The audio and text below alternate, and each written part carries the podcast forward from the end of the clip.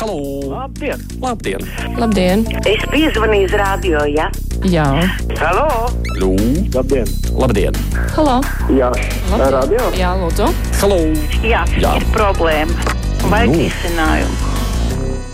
Nu, tad es arī saku halo un gaidu jūs telefonu numurus. Nē, numurus nezvanus pa numuriem 6722, 888, un 672, 559, nu, rakstiet arī, ja mākat caur mājaslapu nožūtot to, ko varu uzrakstīt. Halo! Labdien! Dienu labam!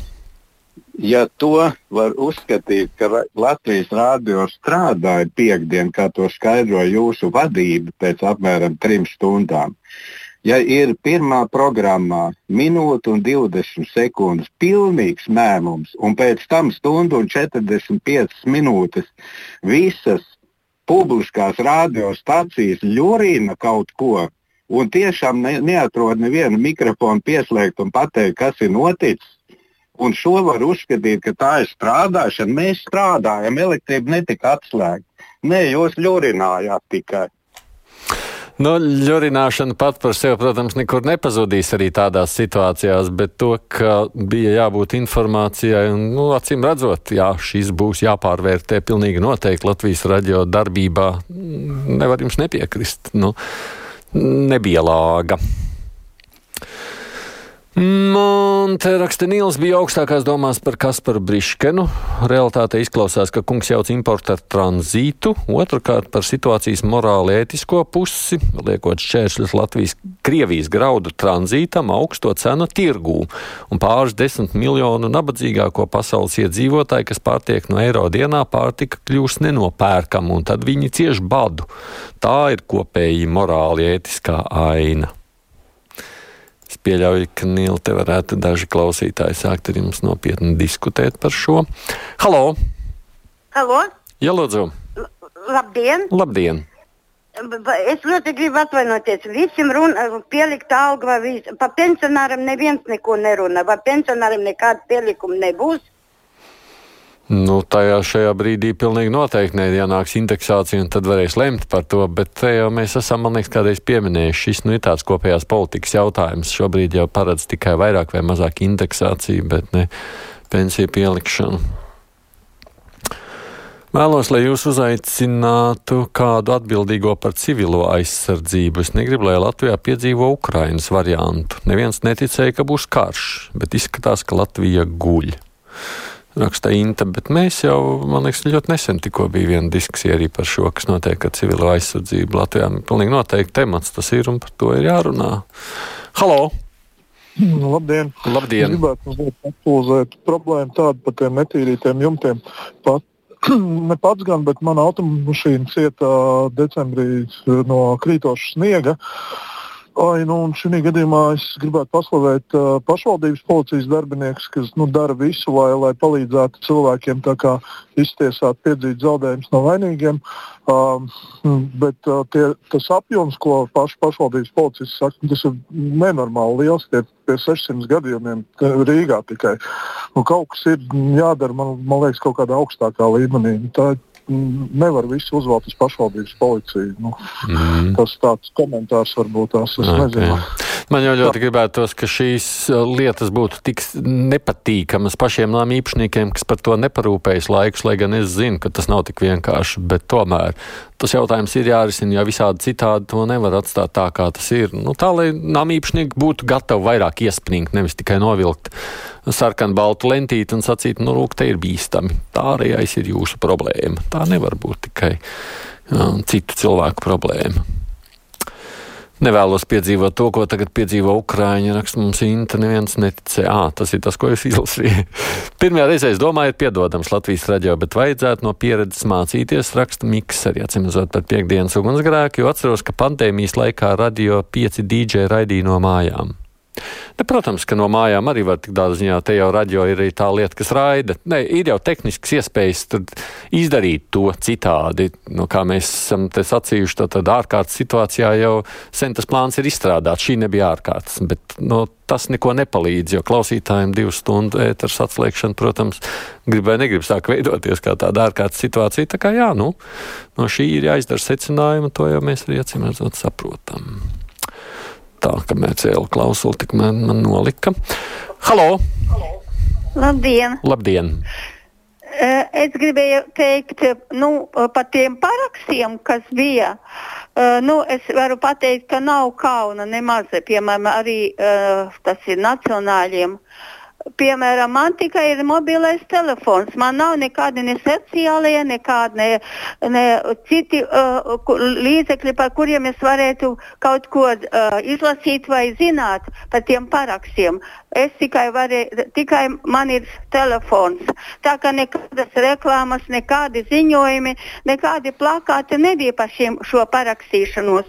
Tā kā cilvēki daudzi, kuri varēja, gribēja parakstīties, nav varējuši parakstīties. Bet jūs taču klausāties, spriežot pēc visi, jūs klausāties Latvijas radio. Mēs šeit esam, man liekas, katru nedēļu runājuši par to parakstu vākšanu. Tiešām, es cienu jūs un cienu jūsu raidījumu, jā, un es ļoti klausos, cenšos vienmēr klausīties, bet es nekad nedzirdēju, es atvainojos, bet nekad nedzirdēju. Jums pagājušas gadām. Būt... Jā. Cik interesanti, jo man liekas, gan ziņas par to stāstīja, gan mēs šeit piekdienās diskusijā, īpaši, kad sāka vākt vispār paraksts, mums bija pat viena diskusija. Nu, redz, sakrīt, ka jūs nezinājāt, līdz ar to tas jautājums jau kā to informāciju katrs iegūst. Es, protams, zinu, ka partijas arī laida reklāmas komercmedijos pats dzirdēju, bet uh, nu, Latvijas radio, kā zināms, ir šobrīd no reklāmas tirgus ārā. Mana pensija ir 600 eiro, kas ir mazāk par minimālo algu, raksta Ija, kad strādāja, nekad nepelnīja zem minimālās algas. Hmm, nu jā, tajā pašā laikā mēs jau redzam, tā pensija apjoms ir tik ļoti atšķirīgs Latvijā. Jā, droši vien zināmā mērā atkarīgs arī no algu lieluma, bet nu, nevienmēr. Halo! Labdien! Labdien! Es gribēju parunāt par tiem Krievijas graudiem šaubīgiem. Tie varbūt ir Ukraiņas graudi. Nu, ļoti iespējams, jā. Ļoti. Mē, mēs tur simt miljonu pelnām. Ukraiņa, Krievija iegūst varbūt miljardu un tērē tam karam. Mm -hmm. Cik Ukraiņi krīt, cik Krievi paši krīt. To neviens nedomā. Nu, jā, tas ir morālā etika, un tāpēc jau mēs arī par to runājam šeit. Ļoti iespējams, un pilnīgi noteikti mēs zinām, ka Krievija sazagusies ir Ukrainas graudus. Mm, zinu, ka nenolasīsiet, bet jums pārdomām. Saka, Anna, nu es jau man nav laika iepriekš izlasīt, ko jūs rakstāt, tāpēc es lasu, tas man nāk pēc kārtas, kā es paspēju. Šī rīta intervijā satiksmes ministru Intervijā ar satiksmes ministru žurnālists uzvedās kā uzrīdīts suns. Radās pamatots jautājums, kas ir tā saimnieks. Nu, tad redz, ka citi mums saka, ka mēs esam pārāk pieglaudīgi un lišķīgi, citi saka, ka pārāk uzbrukoši. Nu, droši vien, kad katrs jau mēs runājam, ja žurnālisti darbu darām tā, kā darām. Bet es domāju, ka tur jau arī katram mums ir vai nu savas simpātijas, vai antipātijas, un arī savas sajūtas. Tāpēc droši vien tā reaģējam. Tik cik es dzirdēju, es gan tiešām fragmentāro sadaļu šeit dzirdēju, es to tā nemanīju. Bet es visu interviju, protams, neesmu klausījies. Man arī būtu subjektīvs spriedums. Halo! Jā, labdien, tas ir brīvais mikrofons. Jā, jā tieši tā. Viens zvana, ļoti patīk, ka beidzot dabūjuši rokā jūs. Mm -hmm. Man ir tādi divi tādi īsi jautājumi redziet, man nav vecs vīrs, nav e-burta alfabētā, jūs saprotat, ko tas nozīmē. Un sakarā visu šo te uh, jaunos uh, atkritumu šķirošanas notiekumu, cenas paaugstinājumu un tam līdzīgi. Man ir divi īsi jautājumi tikai. Pirmais, pa, paklīda bauma, ka to brūno smaržīgo konteineru nedrīkst uzstādīt tuvāk pa desmit metriem no mājas sienas, kur ir dzīvokļu logi.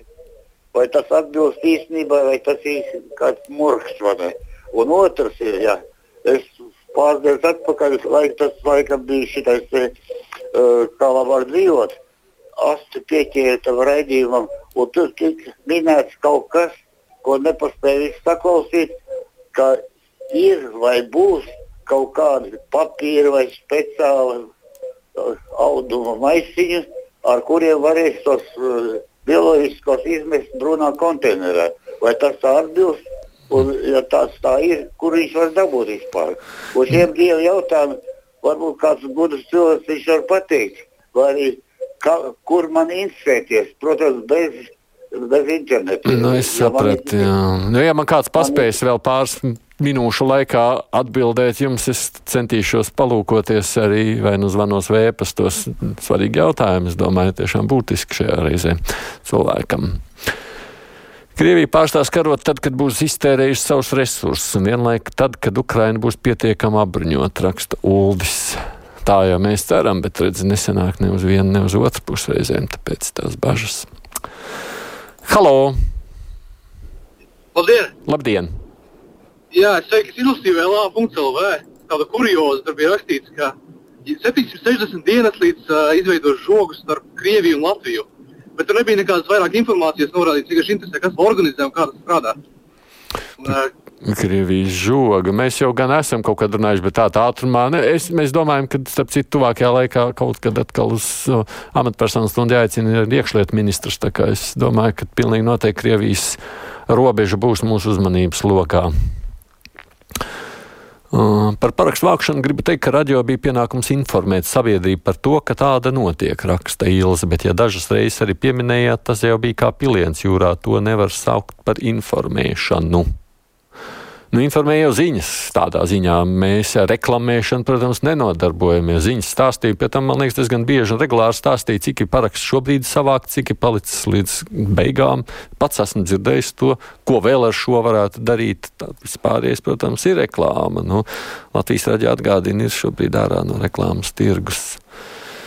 Tā, man šķiet, mēs vēl vienu klausī, zvanītāju ātri varam uzklausīt. Halo! Jā, lūdzu! Ne, nerunās ar mani, tāpēc, acīm redzot, tā, lasu tikai tālāk. Sveiki, kāda mēs esam maleči, raksta Gvido. Visvairāk iesakām bloķēt Krieviju, bet tajā pašā laikā esam lielākie Krievijas atbalstītāji ar graudu pārvadājumiem. Nu tā tikai turpināt. Arī par šo. Bažas ļaudīm ir. Edgars raksta, jaunie vilcieni forši pats brauc un nav nekādas kļūmes vai aizķeršanās. Tas ir labi, ka jums arī tā ir veicies. Paldies visiem, kas rakstījāt, zvanījāt. Nu, šis bija brīvais mikrofons šajā pirmdienā priekšā ziņas. Nu, tad, kā jau mums pirmdienās lielā intervijā, mēs daudz runāsim par Ukrainu un Krievijas kāru.